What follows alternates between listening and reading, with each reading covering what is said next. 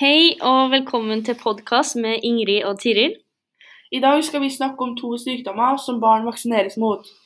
Først skal jeg snakke om HPV, og så skal Tiril snakke om stivkrampe.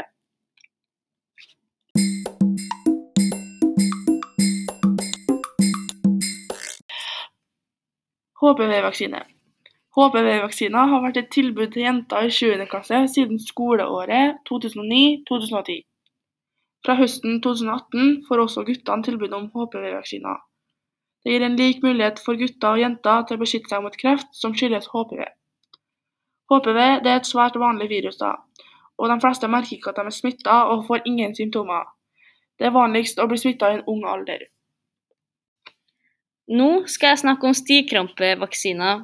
Stivkrampe er en bakterie som ikke smitter fra person til person. Bakterien lager giftstoffer som angriper nervesystemet og gir muskelstivhet og smertefulle kramper. Den har en høy dødelighet. Denne bakterien finnes i jord, i tarmene til enkelte dyr og hos enkelte friske mennesker. Sykdommen smittes via å trenge inn i kroppen gjennom sykdom eller i sår. Du får denne vaksinen i andre klassen og i tiende klassen.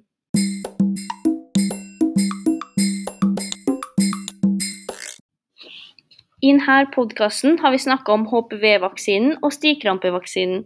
Vi har snakka om hva slags sykdom det er, hvilke symptomer du får, og litt generelle fakta om denne vaksinen.